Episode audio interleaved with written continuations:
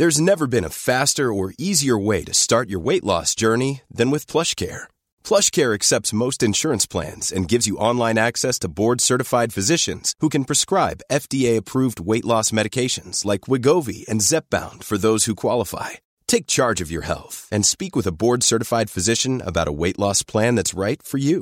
Get started today at plushcare.com slash weight loss. That's plushcare.com slash weight loss. plushcare.com slash weight loss.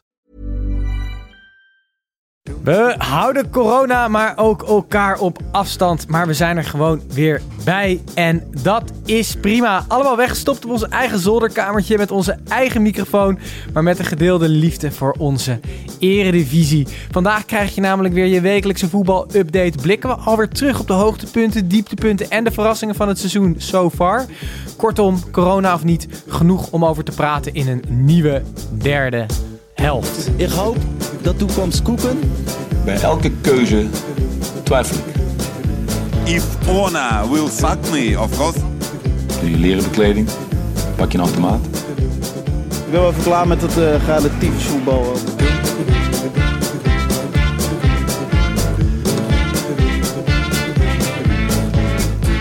Welkom mannen hier in deze uh, uh, ja, virtuele setup. setup. Uh, welkom luisteraars. Mooi dat jullie weer luisteren naar deze derde helft. Voor het eerst opgenomen op afstand. We zitten allemaal in ons eigen hokje vast met een keurige microfoon voor de neus. Um, omdat nou ja, de coronatoestand natuurlijk nog erger is geworden. Um, maar er wel over voetbal gepraat kan worden. Altijd en overal. Zeg ik dat goed, Tim? Uh, volgens mij wel. We gaan het zien. Ik hoop het. je hoopt dat er genoeg is om over te praten? Nou ja, ik hoop vooral dat het het allemaal blijft doen. Want we hebben nu echt een paar uur voorbereiding gehad. En elke keer was er, ontbrak er weer iets aan. Echt verschrikkelijk de hel. Um, maar we gaan het zien. Volgens mij hangt het nu echt aan uh, onvolkomenheden aan elkaar. Maar uh, ja, fingers crossed. Gijs? Nee, ik test even of het allemaal werkt. Ik steek netjes mijn hand op voordat ik wat wil zeggen. Um, de, luisteraars vragen erom, hè, jongens. Daar, daar doen we dit eigenlijk voor. We zitten hier zeker niet voor onszelf. Ja, Tim misschien. Maar meer vooral omdat mensen uh, ja, toch graag willen blijven luisteren in deze tijden van diepe crisis. En Snijboon, wij zijn daar niet de beroerdste in, toch? Nee, ik zou nee, ook zeker. Normaal hebben we uh, vooral luisteraars en weinig kijkers. Ik zal toch iedereen vooral uh, aanraden om deze aflevering wel even op YouTube te kijken. Want je ziet namelijk, Titus die zit in een, een virtueel voetbalstadion. en het is echt een van de grappigste dingen die ik ooit heb gezien. nee, maar um, voor de mensen die voor het eerst uh, intunen, normaal praten wij over elke eredivisiewedstrijd, elke zondagavond laat weer. Um, nu is er al een tijd geen voetbal geweest. Uh, wij zijn toch vier voetballiefhebbers, noemen ons zo nu en dan wat pretentieus analisten. Maar Snijboon, jij als uh, voetbalencyclopedie uh, die elke week 350 potjes voetbal kijkt. Hoe, hoe vergaat het in tijden van corona? Mis je het? Nou, ik, um, ik, ja, ik mis het wel. Uh, ik, ik, Tim betrapte mij er vanochtend op dat ik op YouTube de samenvatting van de FA Cup finale van 2013 Manchester City tegen Wigan Athletic aan het terugkijken was. Uh, dus ik denk dat wel valt te concluderen dat ik het voetbal wel, uh, wel bijzonder mis. Ja. Oké. Okay. Hey, Gijs, trouwens even voor de kijkers op YouTube ook. Wat, wat heb jij op je kin zitten? ik, ik wist dat die vraag zou komen. Uh, nou, voor de, voor de binge-listeners. Vorige week heb ik natuurlijk een uh, nogal zware week gehad op werk. En die trend heeft zich gestaag doorgetrokken. Een soort exponentiële curve. Net als uh, de ontwikkeling van het virus heb ik heel weinig geslapen. En dus ook geen tijd gehad om mijn vlassige sikje bij te werken. En dat is nu toch echt wel ernstige vorm aan het aannemen. Um, Gijs. Dus ja, dat is het eigenlijk. Gijs, bij jou komt er geluid uit, maar je weet dat vrouwen daar normaal uit plassen, hè? ja, zijn, daar lijkt het wel een beetje op. Niet alleen mag ik dan wel eventjes, uh, mag ik één inhoudelijk ding zeggen, namelijk dat het virus zich dus juist niet exponentieel ontwikkelt. Daar moeten we juist heel blij mee zijn. Oh. Ik, weet, ik okay. heb de afgelopen dagen onder een steen geleefd, Snijboon. Nee, daarom. Ik praat je graag even bij in het weekend. Heel goed. Ja. Um, maar Tim, ja, ja, heb jij corona gehad? Je ja, voelde je een tijdje niet lekker, Misschien heb ik het nog steeds. Dat weet ik niet zo goed. Oh. Maar mijn vriendin die is uh, dokter. En die uh, was er redelijk van overtuigd dat ik het had. Ik heb uh, geen eh, kortademigheid, maar wel eh, hoofdpijn, eh, eh, diarrhea, vermoeid, eh, verhoging gehad allemaal. Dus eh, ja, ehm, ik, je weet het niet zeker. Dus dat is altijd een beetje lastig. Maar het zou zomaar kunnen dat ik het heb slash gehad heb. Nou, gelukkig eh, lig je nog niet op de intensive care en gaat het met jou dan wel goed. Eh, wij gaan het vandaag bij de derde helft in onze gebruikelijke 45 minuten eh, hebben over natuurlijk onze eredivisie. Eerst wat updates rondom het voetbal. Ehm, natuurlijk gerelateerd aan corona. Eh, daarnaast gaan wij alweer terugblikken op het seizoen so far. We weten nog niet helemaal wat er gaat gebeuren met het seizoen. Maar we kunnen wel alvast even terugblikken. En de hoogtepunten, dieptepunten, verrassingen wellicht ehm, eh, bespreken. Dat gaan we dan ook doen. En we hebben altijd onze gebruikelijke rits aan rubrieken. Dus eh, misschien moeten we daar ook maar meteen mee eh, aftrappen. Eh, Tim. Ik heb een weetje, niemand wil het weten. Ja, ik heb een weetje. Ja, la, la, la, Ja, ik heb, eh, ik heb een weetje meegenomen, ja. En ehm, een tijdje terug hebben we er eentje, eentje doorgestuurd gekregen. Rutger J91, die eh, krijgt toch wel deels de Trouwe plot. fan. Trouwe Vriend van fan. de show. Ehm, eh, en het is ook een beetje over de landsgrenzen, hè, want we gaan het veel over de Eredivisie hebben, maar ja, het is, het, het wereld, de wereld is ons, eh, is ons toneel, dus ehm, we gaan het eventjes een beetje eh, groter maken. In 2013 speelde Spanje tegen Tahiti op de Confederations Cup. Dat was eh, 10 10-0 geworden. En bij de selectie van Tahiti, daar speelde Efraim Arameda. En dat was een aanvallende middenvelder. En die, eh, nou, die, die heeft niet gespeeld, die, die pot. Maar hij, zat, eh, eh, hij behoorde tot de selectie van, van Tahiti op dat toernooi. En ehm, bij Spanje deed Fernando Torres nog mee. Die was toen ja, alweer een beetje aan de neergang bezig. Ik weet niet of hij toen bij Chelsea zat. Maar in ieder geval, hij speelde bij Spanje.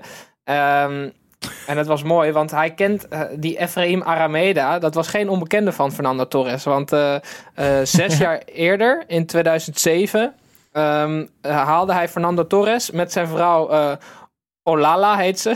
Olala. haalde, ze, haalde hij Oelala. haal- haalde hij Fernando en Olala op van het vliegveld eh, in Tahiti om ze vervolgens eh, een rondleiding te geven over het hele eiland. Want eh, Fernando was op huwelijksreis met zijn, met zijn vrouw slash, ja, vriendin slash vrouw. En ehm, die Efraim Arameda, die, ehm, die was zijn tourguide tijdens, die, tijdens zijn honeymoon. En eh, dus zes jaar later eh, eh, kruisten de degens elkaar weer tijdens eh, Spanje Tahiti 10-0. Eh, Fernando eh, eh, eh, wist niet zo goed meer wie hij niet. was. Hij speelde niet, maar ehm, eh, ze hebben elkaar daar wel weer eh, gezien. Dus dat is, eh, dat is, toch, dat is toch aardig. Zo.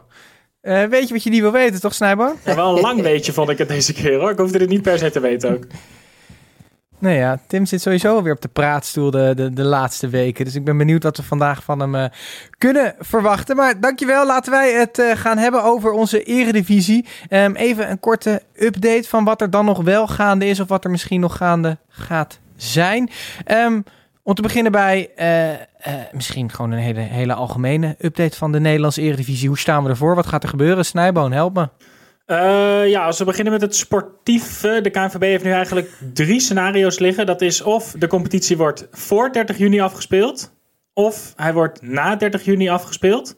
Of hij wordt nu stilgelegd. Ehm, Niet op, niet op 30 voor- juni, Snijboon? nee, op 30 juni, nee, nee, dan heeft iedereen al wat. Oh, jammer. Ja, ja ze zaten nog te kijken naar zo'n 4 tegen 4 toernooitje. Snel doorwisselen. Nee, maar ja, als hij voor 30 juni wordt, eh, afgespeeld moet worden, dan zal dat sowieso waarschijnlijk wel zonder publiek zijn. Het is maar de vraag of dat sowieso wenselijk is om eh, al die voetbalteams samen te brengen. Na 30 juni is het natuurlijk ontzettend lastig, omdat je dan gewoon heel dicht op het nieuwe seizoen zit. En aangezien het EK na dat seizoen is, zal de planning alleen maar krapper worden. Ehm, en als de competitie wordt stilgelegd, dan staat er echt, eh, ja, ik weet niet wat ze dan moeten doen. Er liggen een paar scenario's klaar, maar dat, zijn, dat zal toch wel heel raar zijn als nu de competitie gewoon wordt geannuleerd. Ja, Gijs? Ehm Snijboon, vraag. Ik weet niet of jij het überhaupt eh, weet. Waarschijnlijk wel, want je weet alles. Maar 6 april schijnt er een eh, vergadering te zijn bij de KNVB. En dan hopen ze een aantal knopen door te hakken. Moeten wij tot Nee. 6 april wachten? Nou, wat het vooral is, is dat de overheid heeft natuurlijk alle maatregelen die getroffen waren, die gelden allemaal tot 6 april.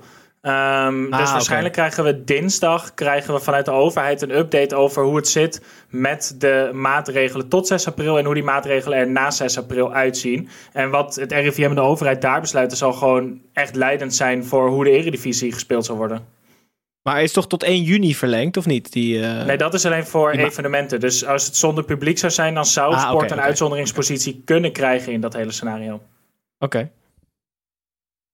Wat natuurlijk Kortom, we moeten nog even wachten. Ja, wat het raarste scenario eigenlijk zou kunnen worden, en dat is, het schijnt het noodscenario van de KNVB te zijn, is dat volgend jaar de Eredivisie met 20 clubs wordt eh, gespeeld als de competitie nu wordt stilgelegd. Dat zou betekenen dat RKC en ADO zich echt in de handjes mogen wrijven, want ze blijven erin. Eh, Helemaal niet. RK, RKC is daar echt niet blij mee, want die willen de degraderen. Oh ja, nou, nou, nou de, op. de, de cynist wordt weer wakker. En eh, dat zou betekenen dat Cambuur en de Graafschap dan wel promoveren. Dan zou dus de Eredivisie minimaal één jaar uit de 20 clubs eh, bestaan. Eh Cambuur en de Graafschap die zeggen al heel hard dat ze echt het verdiend hebben om te promoveren en dat ook heel graag willen. En eh, uit Waalwijk en Den Haag blijk- eh, blijft het eh, zeer verrassend heel stil eigenlijk totdat de maatregelen zijn bevestigd. Tering. Hey, ehm, en hoe doen, hoe doen buitenlandse competities dat dan? Eh, Duitsland, Frankrijk, eh, Engeland? Ja, dan ga je meer naar het financiële deel. Hè. Dit staat natuurlijk heel Duitsland staat op zijn kop, want de vier grote clubs die in de Champions League speelden, Leverkusen, Dortmund, Leipzig en Bayern, hebben een soort noodfonds van 20 miljoen eh, opgesteld, zodat eh, clubs in de eerste en tweede Bundesliga die het lastig hebben geholpen kunnen worden. Eh, de IFL, de Football League in Engeland, heeft 55 miljoen euro opzij gezet. Ehm, in Nederland blijft het redelijk stil op dat vlak. Ja, wij kregen nog een vraag ingestuurd van Jan Capitano. Die vroeg, moet Ajax ook niet noodlijdende financiële clubs gaan helpen? Tim? Ik vind eh, dat absoluut niet de taak van, eh, van Ajax. Ehm, en zoals dat in Duitsland opgelost wordt, vind ik dat ook niet de taak van. Ik vind dat niet de taak van de clubs. Het is gewoon iets van, van, van een overkoepelend orgaan. En in dit geval is dat de KNVB. Ehm, en als de KNVB ervoor kiest om Ajax hiervoor te laten opdraaien, min of meer, dan is dat de keuze van de KNVB. Maar dan komt het niet vanuit Ajax. Ik vind niet dat dat verwacht kan worden van een club ehm, die de zaakjes uitstekend op orde heeft om te zeggen: yo, we gebruiken even jullie schatkist om eh, de rest van de, van de gaten te dichten. Dat vind ik raar. Maar is, dit niet, is dit niet echt een situatie waarin nood wel echt wet breekt? En dat je eigenlijk de normale gang van zaken een beetje los moet laten. En dat Ajax misschien wel over het hart zou kunnen strijken en zou kunnen zeggen: we helpen de competitie. En zo ook eigenlijk het voortbestaan van onze eigen nationale competitie. Precies. Dat is een wat... Nee, natuurlijk Ja, niet. nee, ga je het niet mee eens? Nee, ja. nee, nood breekt wetten. Dat, dat is zeker waar. Maar ik vind juist dat noodwetten breekt dat nu een keer de KNVB echt in moet grijpen. En dat dan het liefst financieel. Ehm, dat, zij moeten nu gewoon in de brand of in de bres springen voor alle ploegen die het moeilijk hebben. En die moeten gewoon financieel, financiële compensatie krijgen. Ik weet niet hoeveel geld de KNVB verdiend heeft met de Nations League. Volgens mij liep het ook in de miljoenen. Dat is tijd om die dingen nu gewoon te investeren in het in, het in leven houden van je competitie. Dus je clubs. Ehm, dus dat is zeker niet aan één club. Eh, dus ik zou het on- ongelooflijk raar vinden als Ajax hiervoor op zou draaien op een of andere manier. Nu is juist de tijd om, de van de, door, om voor de KNVB om te laten zien van we staan echt achter het voetbal. We staan echt achter de eerste en tweede divisie. Eh, of eredivisie en, en keukenkampioen divisie. Eh, en dat gaan we nu ook laten zien door alles wat wij de afgelopen jaren verdiend hebben. Gewoon echt te gebruiken. Een beetje wat de overheid nu ook doet. Met die x aantal miljarden die er tegenaan worden gegooid om ZZP'ers en, en bedrijven tegemoet te kunnen komen. Zoiets moet, moet de KNVB ook doen. Maar het zou, het zou wel een mooi gebaar zijn, toch, van Ajax? Als je dit kan doen en je kan dat geld in plaats van op de bank hebben staan... eh, uitlenen aan clubs waar je ook nog rente in de toekomst over krijgt. En ook een mooi eh propagandaplaatje voor Ajax zelf dan. Ja, oké, maar echte de, de redder van het was- Nederlands voetbal. Dit is de vraag was, moet Ajax niet die noodlijdende clubs helpen? Eh, dat antwoord is voor mij overduidelijk nee. Als ze het willen, dan zou het Mag. voor, voor de reputatie van de club eh, natuurlijk goed zijn. Eh, maar wat Gijs zegt, volgens mij heeft de KNVB aan die eindtoernooien en zo, zo belachelijk veel geld verdiend. Ik, en, en ik vroeg me altijd af waar dat dan naartoe ging.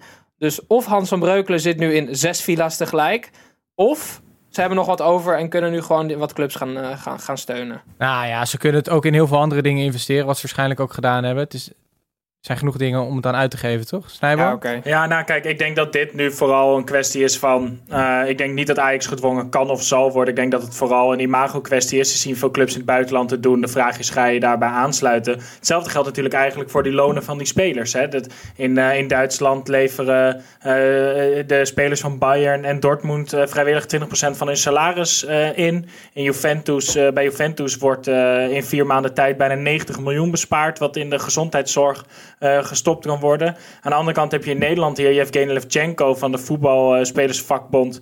eh die zegt ja, het mag geen morele plicht worden dat mensen dit moeten doen. Het moet een optie blijven. Maar ik ben wel benieuwd wat jullie daarvan denken. Moeten, zijn er nu spelers met een miljoenencontract in Nederland die eigenlijk wel zouden moeten zeggen: ik ga helpen? Of vinden jullie dat dit ook eigenlijk op hetzelfde bordje komt? Nou, ik vind wel dat je het in ieder geval wat breder moet trekken dan alleen de spelers of alleen Ajax. Ik vind als er wat moet gebeuren, dan moet ook iedereen zijn steentje bijdragen. Dus dan kan je zeggen, oké, we doen met de spelers wat, de clubs ook. Eh, dan gaat ook de algemeen directeur en de financieel directeur en de KVB en de overheid en Ajax. En iedereen draagt zijn steentje bij. Ik vind niet dat je kan zeggen, hey, de spelers moeten hun loon ophoesten of Ajax moet iedereen afdekken of de KVB moet alles doen. Dus volgens mij eh, eh, met iedereen alles voor elkaar proberen te regelen. Nou, daar ben ik het wel mee Tim, eens.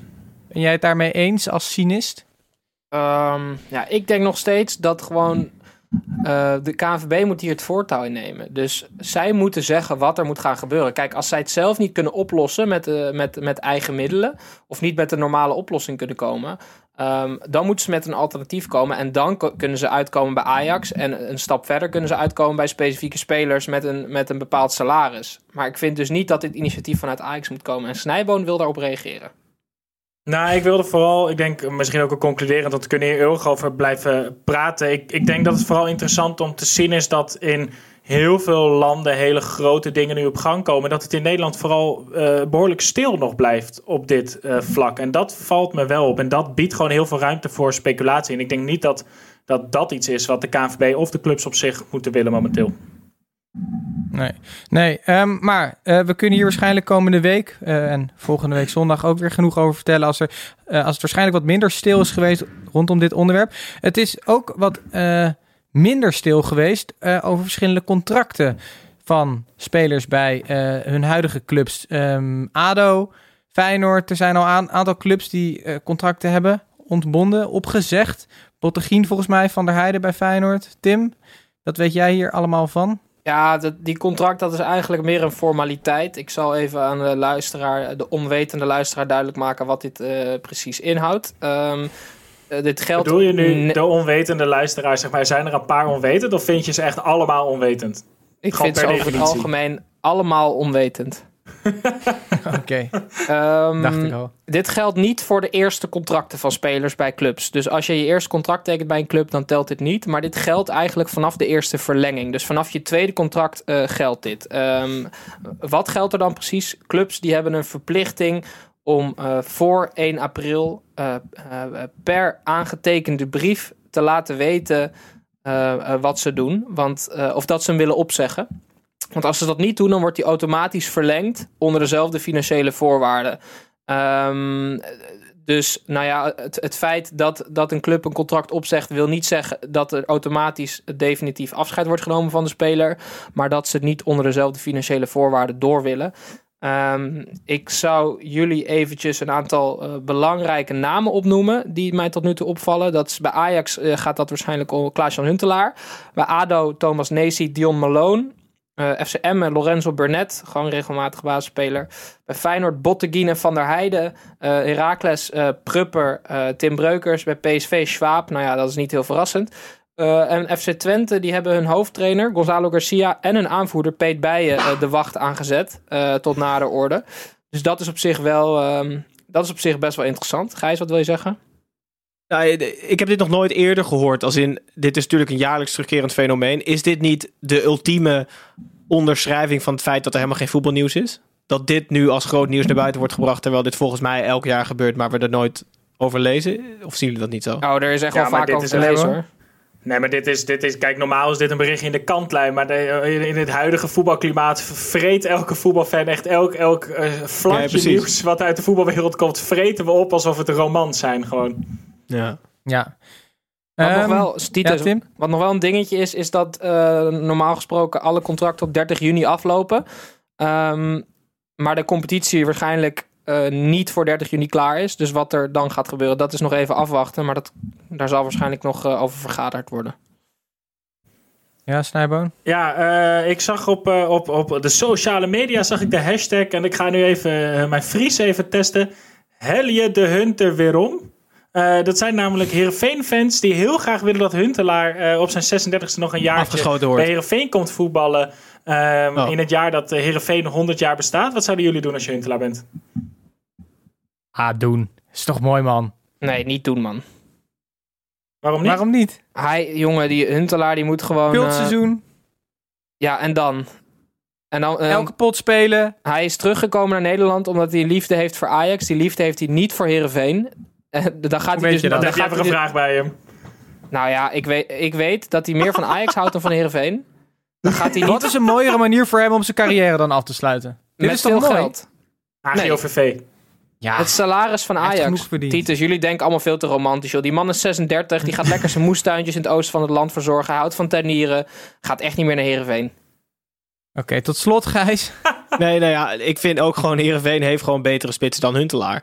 Oldgaard is wel, weliswaar Oh. gehuurd, maar ook Ejuke in de punt is gewoon een, is gewoon een betere, fellere, leukere, dynamischere speler dan Huntelaar. Bij Heerenveen zou hij alleen nog maar slechtere ballen te verwerken moeten krijgen, waar hij bij Ajax al moeite mee heeft. Eh, dus ik denk dat het verstandig is voor hem om of bij Ajax een soort van speler-trainer, assistent-trainer te worden, of inderdaad gewoon eh tuinkers te verbouwen. Nee, ik zou nog wel willen zien. Jongens. Huntelaar een jaartje met de Ejuko en Van Bergen op de flank. En dan Odgaard nog een, eh, een jaartje onder de vleugels van de oude meester. Gewoon 20 prikken. Ehm, we gaan eh, het in ieder geval hierbij laten. Ik merk alweer dat er ondanks niks gebeurt in de Eredivisie, wij lang genoeg over die Eredivisie kunnen praten. Ehm, dit was dan nog enigszins gerelateerd aan het voetbal. We hebben natuurlijk ook een rubriekje eh, buitenspel, waar we puur en alleen praten over wat er buiten het spel is gebeurd. Laten we dat dan ook gaan doen. Tim, om te beginnen bij jou. Wat voor een buitenspelletje heb je meegenomen? Ehm, ja, ik heb er eigenlijk twee, maar eh, ik heb vorige week eh, zei ik dat Nick Viergever nog maagd was.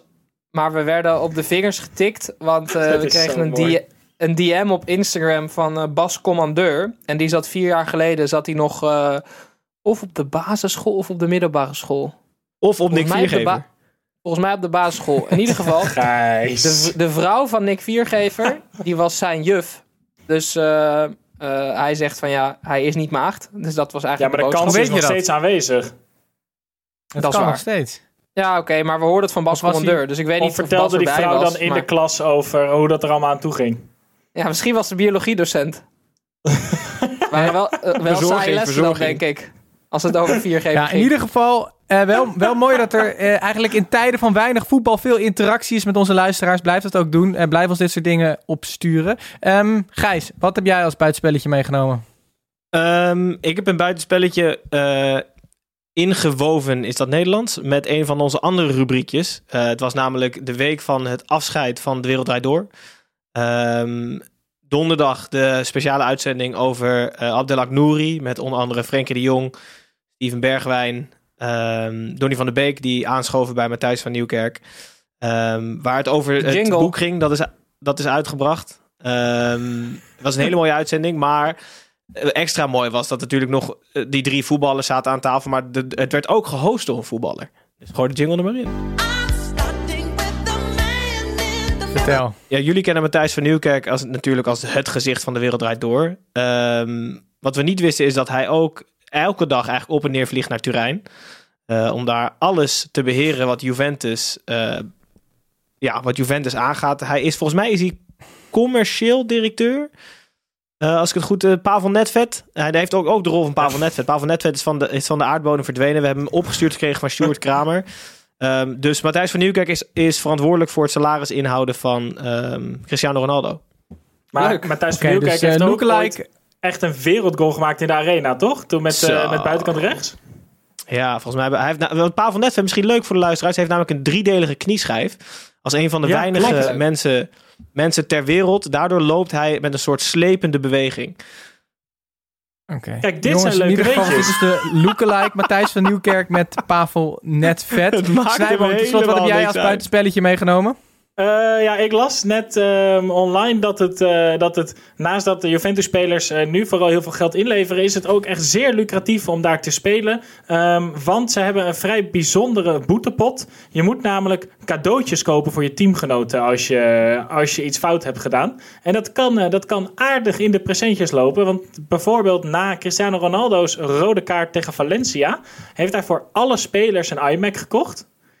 Ehm, en toen Wojciech Chesney zich op een eh, dinsdag versliep omdat hij dacht dat het woensdag was, heeft hij voor elke speler in de selectie een koptelefoon gekocht. Dus dit is echt het, equivalent van 10 euro in de boetepot doen omdat je te laat bent bij een amateurteam. Moet je dan gewoon voor je hele ploeg IMAX kopen. Jezus. Heerlijk hoor, om daar een beetje bankzitter te zijn en dit soort cadeautjes te, te, te- op te eisen. Een soort postcode loterij. Ehm, Tim, had jij nog een tweede buitenspel of was dit het? Ja, ik heb nog wel een tweede, ja. Eh, Kevin Blom, die, eh, die, heeft, die, die is de- tegenwoordig aan het werk voor eh Mr. Kebab in Alphen aan de Rijn. En dan brengt hij kebab rond s'avonds. Dat is echt heerlijk. Fluit hij, fluit hij als hij voor de deur Oh, ja. staat of niet, hè? Hè? Fluit hij als hij voor de deur staat of niet? Ja, ik denk het wel, ja. Oké, zijn jongens, scooter tot zover buitenspel. Laten we, laten we het gaan hebben... Jongens, laten we het gaan hebben over eh, de eredivisie en eigenlijk een soort wat-als scenario. Wat als de eredivisie nu eh, gestopt was? Wat zouden dan, als wij terugblikken op dit seizoen, de hoogtepunten, dieptepunten en verrassingen zijn? Nou, laten we het eh, positief beginnen. Wat zijn jullie hoogtepunten? Gijs, wat is jouw hoogtepunt van het seizoen so far? Jullie kunnen het al raden waarschijnlijk. Ik ga het toch even benoemen voor ehm, de luisteraars die net instromen omdat ze echt niks te doen hebben. Mijn hoogtepunt is het creatieve scouten van FC Emmen. Eh, met als absolute parel natuurlijk mijn grote nieuwe held eh, Sergio Peña. De man met ogen in zijn nek. Eh, of NEC. In ieder geval, deze man staat na volgens mij 26 eh, volledige speelronden op de eerste plaats in het VI voetbalklassement. Ongelooflijk. Dus als het zo blijft, heeft hij de gouden schoen van het VI. Eh, klassement. Dat is echt uitstekend. Hij is een van ehm, de meest, dus de speler eh, met het meest gecreëerde kansen in de eredivisie. Eh, alleen Dusan Tadic en Hakim Ziyech gaan hem voor. Het enige wat er nog een beetje aan schort is dat hij pas drie assists heeft geleverd uit de 63 kansen die hij gecreëerd heeft. Dus er zijn twee dingen. Of de spitsen van FC Emmen kunnen er helemaal niets van. Arias. Of, of hij geeft de pre-assist, zoals dat heet. Dus de, de steekbal waaruit de voorzet komt, waar dan het doel, doelpunt vandaan komt. Kortom, hoogtepunt, creatief scouten met weinig geld en Sergio Peña. Is Sergio Peña Precies, alles je wat bent jij natuurlijk al zijn? liefhebber. Sorry? Snijbal, je moet je hand opsteken, lul. Oh, sorry. Je lul opsteken. Ja, Je lul opsteken, hand kom maar doorheen. Oh, of Sergio Peña alles is wat jij had willen zijn als voetballer. Ehm, hij heeft in ieder geval een beter baardje. Ja, nee, hij is wel echt heel veel wat ik niet ben. Echt veel. Nou Ja, en, en, en je mag elke dag met de Messi van de Meerdijk eh, optrekken. En dat is natuurlijk ook wel jouw grote voorbeeld, toch? Absoluut, absoluut. Hij, hij heeft, Ja, hij want je heeft de leemte begon in mijn hart heeft hij opgevuld, Sergio Peña. Ja, ja, mooi dat jij toch nog eh, zoveel positiviteit uit jouw FCM hebt eh, kunnen halen dit seizoen. Ik ben benieuwd wat de andere hoogtepunten zijn. De hoogtepunten so far. Tim, heb jij Ehm, een hoogtepunt of waren er alleen maar dieptepunten dit Mijn jaar? hoogtepunt komt uit Friesland. En dat is Johnny Jansen, de trainer van SC Heerenveen. Aan het begin van dit seizoen heb ik hem eh, ja, met de grond gelijk gemaakt. Omdat ik hem eruit vind zien als een supporter. Eh, ik had er helemaal geen vertrouwen in. Hij was veel te blij dat hij trainer mocht zijn van zijn droomclub. Eh, een beetje voetbalmanager in real life. Ehm, en ik vind het ontzettend knap, want hij, heeft, hij is echt wel een pak aan spelers kwijtgeraakt. Ik neem jullie even mee met Sam Lammers, Michel Vlap, Stijn Schaars, eh, Kobayashi, Torsby, Van Amersfoort, Rienstra en Piri zijn eh, eh, zomaar een aantal spelers die, eh, die pleiten zijn gegaan uit Friesland. En eh, ik heb eventjes de cijfers erbij gepakt. Hij pakt nu... ehm, hij staat tiende met Herenveen en hij pakt 1,26 punt per wedstrijd. En vorig jaar met die rijke selectie en eh, wat was het? Was Jan Olde daar nog trainer toen? Zeker. Ja, Jan Olde, ja. Met Argus Vilder aan het roer haalden ze 1,21 punt per wedstrijd. Dus dat is eh, n- eh, 0,05 punt minder eh, vorig jaar met die, eh, met die dure selectie. Dus eh Johnny Jansen, chapeau, veer in je Friese reet en eh, ga zo door. Ja, ik weet nog dat er aan, aan het begin van het seizoen ook wel stukken werden geschreven uh, van uh, de, de voetbalanalytici. Uh, dat Herenveen dat het echt puinzooi was en dat die wel echt moesten oppassen om niet een seizoen tegemoet te gaan. Wat we nu misschien wel zien bij ADO Den Haag. Het was heel pessimistisch gesteld vooraf en nu lijkt ze toch gewoon weer mee te doen zoals we eigenlijk van Herenveen verwachten jaar op jaar. Ja. Nou, daarmee sluit ik jouw hoogtepunt ook meteen af. Kunnen we door naar Snijboon. Wat uh, was jouw hoogtepunt? Ja, we blijven bij Heerenveen, want mijn hoogtepunt is natuurlijk Chide Ejuke. Uh, ja, Gijs zit al echt hoofdschuddend op zijn stoel, want die is natuurlijk niet zo'n fan van, van, van dravers en dribbelaars die alleen maar naar de bal kijken. Maar Chide Ejuke is echt alles wat de Eredivisie leuk maakt. Onverwacht. De tegenstander weet net zo min wat hij van hem moet verwachten als de spits waar hij de paas op moet geven. Maar hij staat gewoon op 9 goals, 4 assists, dribbelt alles en iedereen voorbij wat hij tegenkomt. En ik vind het gewoon ontzettend leuk om zulke spelers in de Eredivisie te zien. Tim, jij fan? Ik ben wel fan, alleen ik wil wel Snijman even aan herinneren dat Ejuke wel in de, eh, boven in de lijstje staat van de meest onsuccesvolle dribbles. Hè? Wist je dat? Ja, tuurlijk. Maar ja, uh, als je niet probeert, Alles dan ben je nooit, hè? Ja. Uh, ik ben fan. Anders krijg je alleen maar van die veilige voetballers die een tikje teruggeven de hele wedstrijd. Zulke spelers heb je nodig. Hiervoor komen mensen naar het stadion. Of niet, nu. Gijs. Nou, hij begon wel een beetje scorebordjournalistiek. Hè? De afgelopen weken loopt het lekker bij. Maar op een gegeven moment had hij minder assist dan Remco Pasveer. Kan toch niet als buitenspeler? Kom aan. Hm? Ja, maar is dat niet gewoon heel goed van Remco Pasveer dan? Nog beter dan Ejuke. Pasveer is ook een heerlijke dribbelkoning, hè? ja, dat is waar. Oh. Hey, um, jongens, dit waren jullie, jullie ho hoogtepunten. Ik, ik mis nog wel een paar dingen die kunnen terugkomen bij de verrassing. We hebben het nog niet gehad over AZ, over uh, de, de, de... Dit is, gaat nou niet allemaal verklappen dan. van Feyenoord, uh, Willem II, maar oké. Okay. Uh, verrassingen. Misschien zitten ze daartussen. Gijs, wat, voor, wat was jouw verrassing van dit seizoen? AZ, Feyenoord, Willem II eigenlijk. Nou oké, kies, even, kies even één dingetje. Nee, Niet alles ik wat net ervoor gekoud. Nee, maar uh, ja, Tim wordt boos, Snijman wordt boos, allemaal prima, maar ze moeten gewoon genoemd, be, benoemd worden, genoemd worden. De mannen van Adrie Koster, uh, onder leiding van Adrie Koster, fantastisch. Echt waar, ik zweer het je, als je die selectie vooraf van het seizoen bekeek, met een rare lange zweet achterin die op Angelino lijkt, uh, en Mike Tresor en Dai Chimier, Um, die overgekomen is van jong NEC. Ja, dat is gewoon, het is gewoon geweldig. Het klikt, het valt in elkaar. Uh, ze spelen realistisch, leuk voetbal uh, bij Vlagen. Uh, Adrie Koster is een rustige man, ervaren man. ze hebben mij op alle vlakken doen verbazen. Ik ben verliefd eigenlijk op iedereen daar in Tilburg, op heel Tilburg. Snijboon? Ja, er was echt paniek hè, aan het begin van het jaar bij Willem II. Er werd niks gekocht. We hebben Thomas Rijsman gehad, spelers. Ja, de, de, de belangrijkste spelers waren weggegaan. Echt, de, de Willem II-fans hadden echt even de paniek bij zich gewoon over het handelen van Matthijssen en uh, Martin van Geel. En dat is echt, nou, als je het over creatieve scouting hebt, die hebben daar een ploeg neergezet, echt uit alle windstreken. En op de een of andere manier valt het echt als een puzzel in elkaar. Ontzettend leuk. Maar, maar keer op keer, hè? Want uh, ze, ze hebben dat met Sol, met die, met die huurling van Broesja, hoe heet hij ook weer? Isaac. Isaac en, en, en nu weer dit team. Het, het, het, lijkt wel goed in elkaar te steken daar op bestuurlijk niveau. Het zijn geen toevalstreffers meer, toch? Nee, maar dat komt ook omdat Martin van Geel, die is daar aangetrokken. Dat is natuurlijk wel een beetje een veilige technisch directeur. Maar wel iemand met ongelooflijk veel ervaring. Um, Matthijs heeft heel veel ervaring als speler. En die combinatie, dus uh, bestuurservaring en, en speelervaring, is interessant.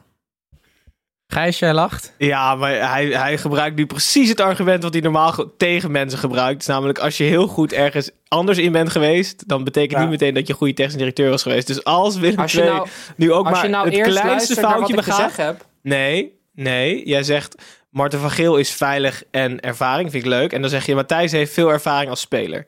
Normaal gesproken, ja. je hebt het tien keer eerder gebruikt in deze podcast. Dat je zei, Jaap Stam was een hele goede speler, maar kan er geen kloten van als trainer. Dus dat is een slecht argument. Mooi um, om ook Tim een keer op zijn, uh, uh, nou hoe zeg je dat, onwaarheden aan te pakken. Nummer. Um, dat hij gewoon lekker wordt neergeschopt een keer. Snij, Snijboon, wat, uh, wat was voor jou de verrassing van dit seizoen? ik heb als verrassing opgeschreven AZ tegen de topploegen. was altijd het probleem van Leuk. AZ. Ze wonnen van iedereen, maar tegen de topploegen pakten ze nooit een punt. Dit seizoen 1-0 thuis winnen van Ajax, 0-2 uitwinnen van Ajax, 0-3 uitwinnen bij Feyenoord en 0-4 uitwinnen bij PSV. Dat is 12 punten en een doelsaldo van 10 tegen 0. Uh, dat is ongekend voor een ploeg van wie het soort van normaal was dat ze altijd verloren tegen de topploeg. Arne Slot heeft er echt, echt een ploeg van gemaakt die op dat gebied zoveel meer vertrouwen in zichzelf heeft gekregen. En dat, dat verraste mij wel, eh, wel echt. En zeker die, die eh, 1-0 tegen Ajax, eh, toen ze voor het eerst weer in hun eigen stadion speelden in de laatste minuut, eh Boadou die hem maakte. Ik denk dat dat echt wat heeft losgemaakt bij AZ. Zo, Gijs, wat denk jij? Nee, ze 100% mee eens. Alleen een kleine kanttekening is dat bij veel van die wedstrijden ook wel mee zat. Eh, ik kan me herinneren, uh, vroeger een rode kaart voor Ryan Thomas in Eindhoven. Uh, een vroege goal tegen Ajax, die toen als een, als een kamikaze druk gingen zetten. Uh, die andere wedstrijd tegen Ajax speelde Ajax volgens mij met een heel erg gemankeerd elftal. Dus het heeft ook niet tegengezeten. Maar dat, ze zeggen dat dwing je af. Dus ik ben het met je eens, Snijboon. Fantastische prestatie, maar En- kleine en- kanttekening. In zijn in zijn- in zijn algemeenheid denk ik dat het gewoon AZ een hele mooie verrassing is geweest. Met Arne Slot en ook die drie voorin die maar blij, zich blijven ontwikkelen en ontwikkelen. Dus volgens mij een eh, positief puntje van dit eh, eh, rare seizoen. Zeker. Tim, wat heb jij als, eh, als eh, verrassing? Mijn verrassing is ehm, dat Brian Linsen nog steeds bij Vitesse speelt. Want hij, die gozer, jongen, het is echt niet normaal. Hij staat dit jaar alweer op 14 doelpunten. Ehm, vorig jaar had hij er 12. Het jaar daarvoor had hij er 16. Eh, daarvoor 10. Toen bij Groningen even wat minder. Toen had hij er 3. Daarvoor had hij er weer 10. Daarvoor had hij er weer 11. Er zijn zo weinig spelers die zo'n ongelofelijke scoringsdrift hebben voor een buitenspeler. Het is echt eh, niet normaal. En ik, eh, hij verrast me dat hij het keer op keer laat zien. En dat hij nog steeds niet is opgepikt door een grote club. En Gijs wil wat zeggen. Nee, nou ja, hij, eh, hij was, is heel dicht bij een overgang naar een andere club. Heeft hij onlangs uit de doeken gedaan in de lokale media. Eh, het coronavirus heeft echt een roet in het eten gegooid. Hij zei, ik zou 1,8 miljoen euro eh, verdiend kunnen hebben... door zijn transfervrije status van komend seizoen te verzilveren. Maar nu is dat eh, in de wachtkamer gezet. Dus ja, hij is met anderhalf been wel buiten. Mocht dit opgelost worden, dan is dit helaas zijn laatste seizoen geweest in, het, in Arnhem. En- topclub is sowieso buitenland? Of zou die eh, PSV, Ajax, Nee, Feyenoord... eh, In, in Nederland gaat niemand hem 1,8 miljoen euro betalen. Dus dat zou echt het buitenland zijn. Oké. Ehm, leuk. Leuke eh, verrassingen. Dan mis ik alsnog volgens mij Dikkie eh, advocaat hier.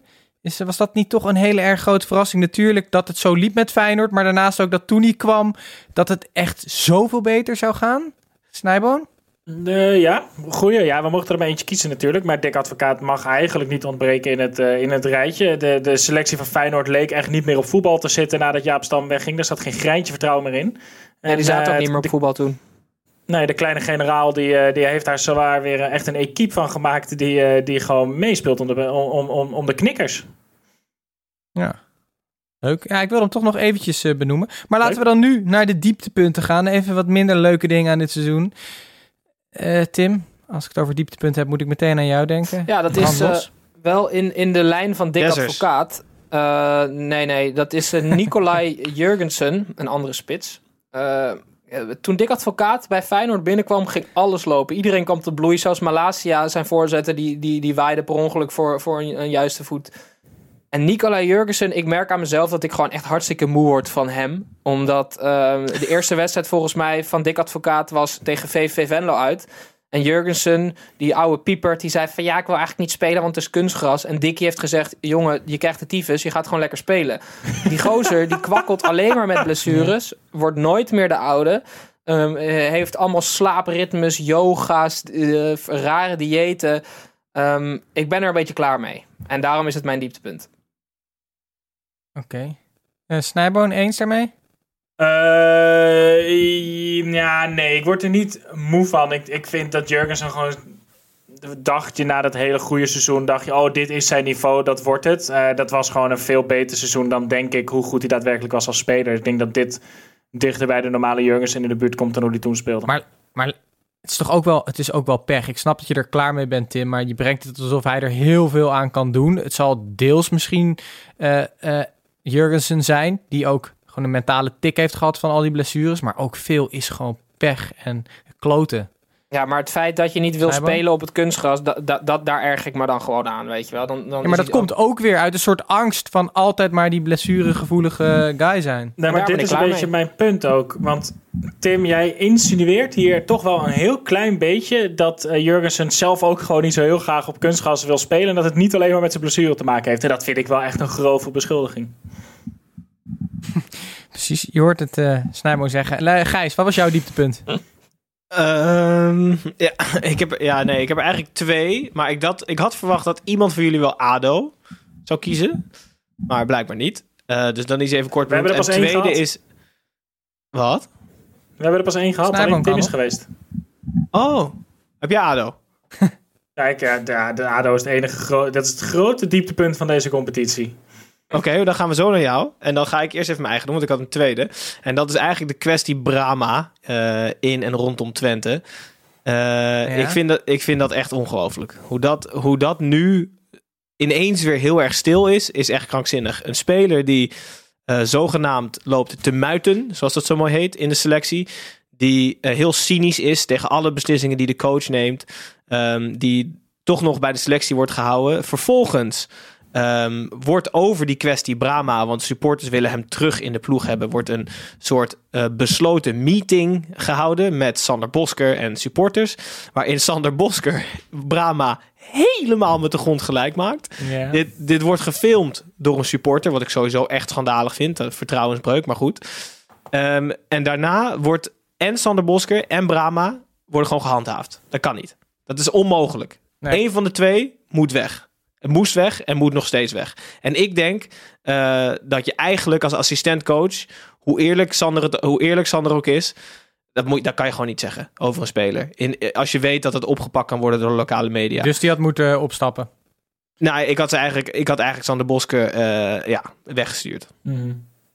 Trainers zijn passanten, helemaal assistenttrainers. Als je zo een speler afvalt, dan hoor je niet, eh, dan denk je niet in Maar teambelang. Brama is toch veel meer een passant. Die is over een half jaar alweer weg ongeveer, omdat hij zo oud is.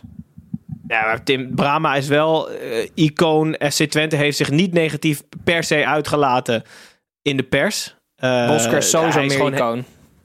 Wat zei je? Bosker is 100% meer icoon. Hij heeft een standbeeld voor het stadion. Ja, maar wat zou, jij, wat zou jij willen doen dan? Brama weg. Ja, Ja, Brama wegsturen. dat had hij dan. Dat, dat, Oké, maar- in ieder geval had één van de twee, één van de twee had weggemoeten. Ehm, ik wil afsluiten met het laatste dieptepunt, Snijboon. hij wil door hoor. Eh, ja, ADO Den Haag. Dat is toch gewoon ik eh, ga. verschrikkelijk. verschrikkelijk. Ehm, daar wordt gewoon momenteel beleid gevoerd wat gewoon een, echt een van de mooiste clubs van Nederland gewoon echt jaren, jaren terug gaat werpen. Ja, het is gewoon een club die in de Eredivisie hoort, Gijs.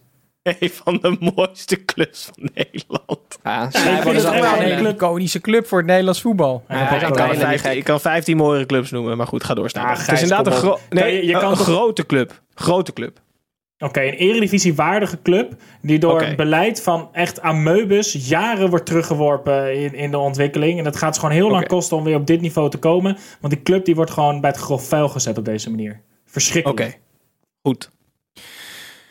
Dieptepunten eh, all over the place. Eh, we hebben de verrassingen gehad. eh, hoogtepunten, dieptepunten. En we gaan het hierbij laten, want we zijn er weer bijna door onze 45 minuutjes heen. Ehm, en we eindigen altijd met wat fantalk, waarin de luisteraar vragen kunnen insturen. Hallo fans, wie gaat er zinnen? Hier is Tom. Yes, we hebben een vraag gekregen van Christopher Vlek. Wie zouden jullie in je 5 tegen 5 team willen hebben? Als we iedereen zouden mogen kiezen. Of misschien is het leuker, laten we eredivisiespelers pakken. Actieve eredivisiespelers. Mhm. Wie zou welke vijf zou je dan kiezen? Gijs? Ik wil de keeper kiezen. Eh 5 tegen 5 Power League. Laag goal. Dus je moet een kleine keeper hebben. Ik, bij uitstek gesproken, ik denk serieus de beste 5 tegen 5 keeper van de Eredivisie is Kostas Lamproe. Ja, leuk. Erg leuk. Zo, misschien wel, ja. Tim, Kan die bij de lat dan, denk wie wil je? jij toevoegen aan dit team? Is, kan die wel bij de lat, Gijs? Ja, eh, ik heb een, ehm, een, eh, een speler die een beetje kan dribbelen. Die ook laag bij de grond zit. Eh, en eh, dat is eh ehm, eh, Crescencio Somerville. Ehm, en ik denk ook dat hij handig Ja, is. hou Gijs- nou op, Gijs, hé. Hey, luister nou. Ik denk vooral dat hij handig is. Want 5 tegen 5 loopt vaak uit de hand. En dan achteraf kom je dan die jongens tegen. Dan kan hij die broer met dat pistool kan hij er weer bij halen. Dus daarom lijkt het me handig. Oké. Snijboon. Ja, sorry, maar Summerfield die heeft minstens 40 meter ruimte voor zich nodig. Die raakt toch helemaal in paniek op zo'n klein veld. Ja, maar die broer heeft een geweer. Wie zou jij toevoegen? Iedereen, Eh, iedereen mag gewoon eh, spelers ja. Ik zou, eh, kijk, je wil, hebt natuurlijk iemand nodig die eh ehm, volleerd kan pasen en ook een doelpunt mee kan pakken. Daarom zou ik als eerste kiezen voor Joey Veerman. Oké, kan ik mee Oké. Ja, nul. Die hebben gozer we- is echt nul dynamisch, hè? Dat hoeft niet. Hij hoeft, als hij in het midden staat en hij kaatst alles perfect uit en hij, hij paast alles, op, hij schiet alles op 80% in de goal. Dus die schiet er gewoon 40 in in de, in de, in de 5 tegen 5.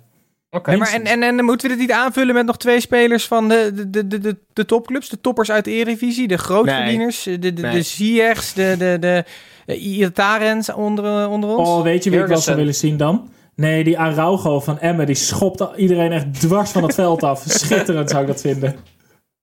Ja, en ik wil. Oké. Gewoon wat het tering grappig is. Als je in de spits.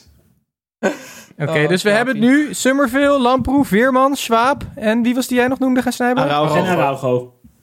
Ja, die ken jij. Nou, dus zeer matig in hè? de Eredivisie. Zeer Ik matig ben benieuwd of onze luisteraars het eens zijn met deze eh, top 5 eh Eredivisie-spelers voor, voor Five Aside. Ehm, ja, tot slot nog even afsluiten met eh, een, een vraagje koffiedik kijken. Rutger MJ de Boer die vraagt: wat gaat de beste transfer zijn deze zomer? Ehm, zullen we, dit is weer een hele brede vraag. Zullen we incoming Eredivisie doen? Of Mhm. outgoing? Kan toch ook Incoming. in de, ere, nee, in de eredivisie. Dat is leuker. Gewoon binnen. Oh ja, Ja. dat is leuk. Oké, welke? Ja, dat is eh, interessant. Dus eh, binnen de Eredivisie. Oké, ik Gijs, denk... heb je dan wat? Oh, Tim. ja, oké. Oh, Martin. ik denk... ehm eh, Mitchell van Bergen naar Feyenoord. Leuk. Vervanger van Larsson. Ik denk... Snijboom? ehm, oh, nee, Gijs maar. Gijs dan. Sorry, nee, Gijs, Gijs, maar. Gijs, ik denk... ehm, maar ik wil... Twee, twee, twee, twee. Eén is eh Glenn Bell naar Utrecht. En tweede is Nee. Peña AZ. Allebei leuk, hoor. Nou, ik Ja, vind ook wel leuk. Bijl naar Utrecht gaat nooit gebeuren, want die hebben Kleiber op rechtsback. Nee, maar die, hebben gaat, die is geschorst. Die is geschorst. Eeuwig. Ja, die is altijd geschorst. Ja. En die moet altijd huilen. Sni- Snijboom, jij mag het afsluiten. Met het Eh, laatste antwoord op deze vraag. Nou, ik, ik ga hem heel makkelijk maken, want ik vind dat eh, zich al een hele goede transfer heeft eh, voltooid in de afgelopen dagen. Dat is namelijk Wessel Dammers van Fortuna naar Groningen. Gijs wordt weer boos op me, maar dat is gewoon een hele goede transfervrije transfer. Ja, Ja, Mark-Jan eens? Vladeris leuk gedaan, hoor. Ja, toch? Nee, Mark-Jan. Mark Jan is wel, is wel eh, zit er kort op. Uitstekend. Oké. Jongens, eh, dit was het voor deze week vanuit, eh, eh, vanuit een wat... eh, Vanuit het stadion, hè? stadion. Raardere Vanuit het stadion. Vanuit, vanuit mijn stadion voor de YouTube-kijkers. We zijn er volgende week sowieso wel weer met z'n vieren of drie of tweeën. Waarschijnlijk weer vanuit eh, deze eh, zolderkamertjes. Ehm, wat, wat jullie zitten allemaal te zeiden, wat willen jullie zeggen? Nou, ik ben wel benieuwd, wat, wat vonden jullie ervan, zo op afstand? Ik vond Ja. het wel leuk. Ik vind het moeilijk om. eh, ehm, ja, ik, ik merk dat ik een beetje. Als iemand anders aan het woord is, dan, dan dwaal ik met mijn gedachten af. Maar dat is eigenlijk hetzelfde als normaal in de studio. Dan zeg jij luistert alleen naar jezelf. Ja, Eh, nee, ik vond denk ik hartstikke leuk. Ik ben ook heel benieuwd wat de luisteraars ervan vonden. Ook wat ze vonden van onze videoset. Dus kijk het op YouTube. En eh, eh, zie ons volgende week weer verschijnen in de podcast app. Gijs, ik wil afsluiten. Wat wil je nou zeggen? Nou, nee, ik wil graag oproepen tot eh, een suggestie. Als jullie, als jullie luisteraars willen dat wij iets gaan doen, behalve de derby van Minsk behandelen, dan, lijkt, dan staan wij daar open voor, toch? We, zi- we zitten ruim in de tijd. Dus eh, mochten zeker. jullie Nou, ideeën niet, hebben, weken. Ja, leuke ideeën zijn dat is wel waar. Kom maar door met die ideeën. We zullen nog wel een oproepje plaatsen op onze social media. In ieder geval tot maandag.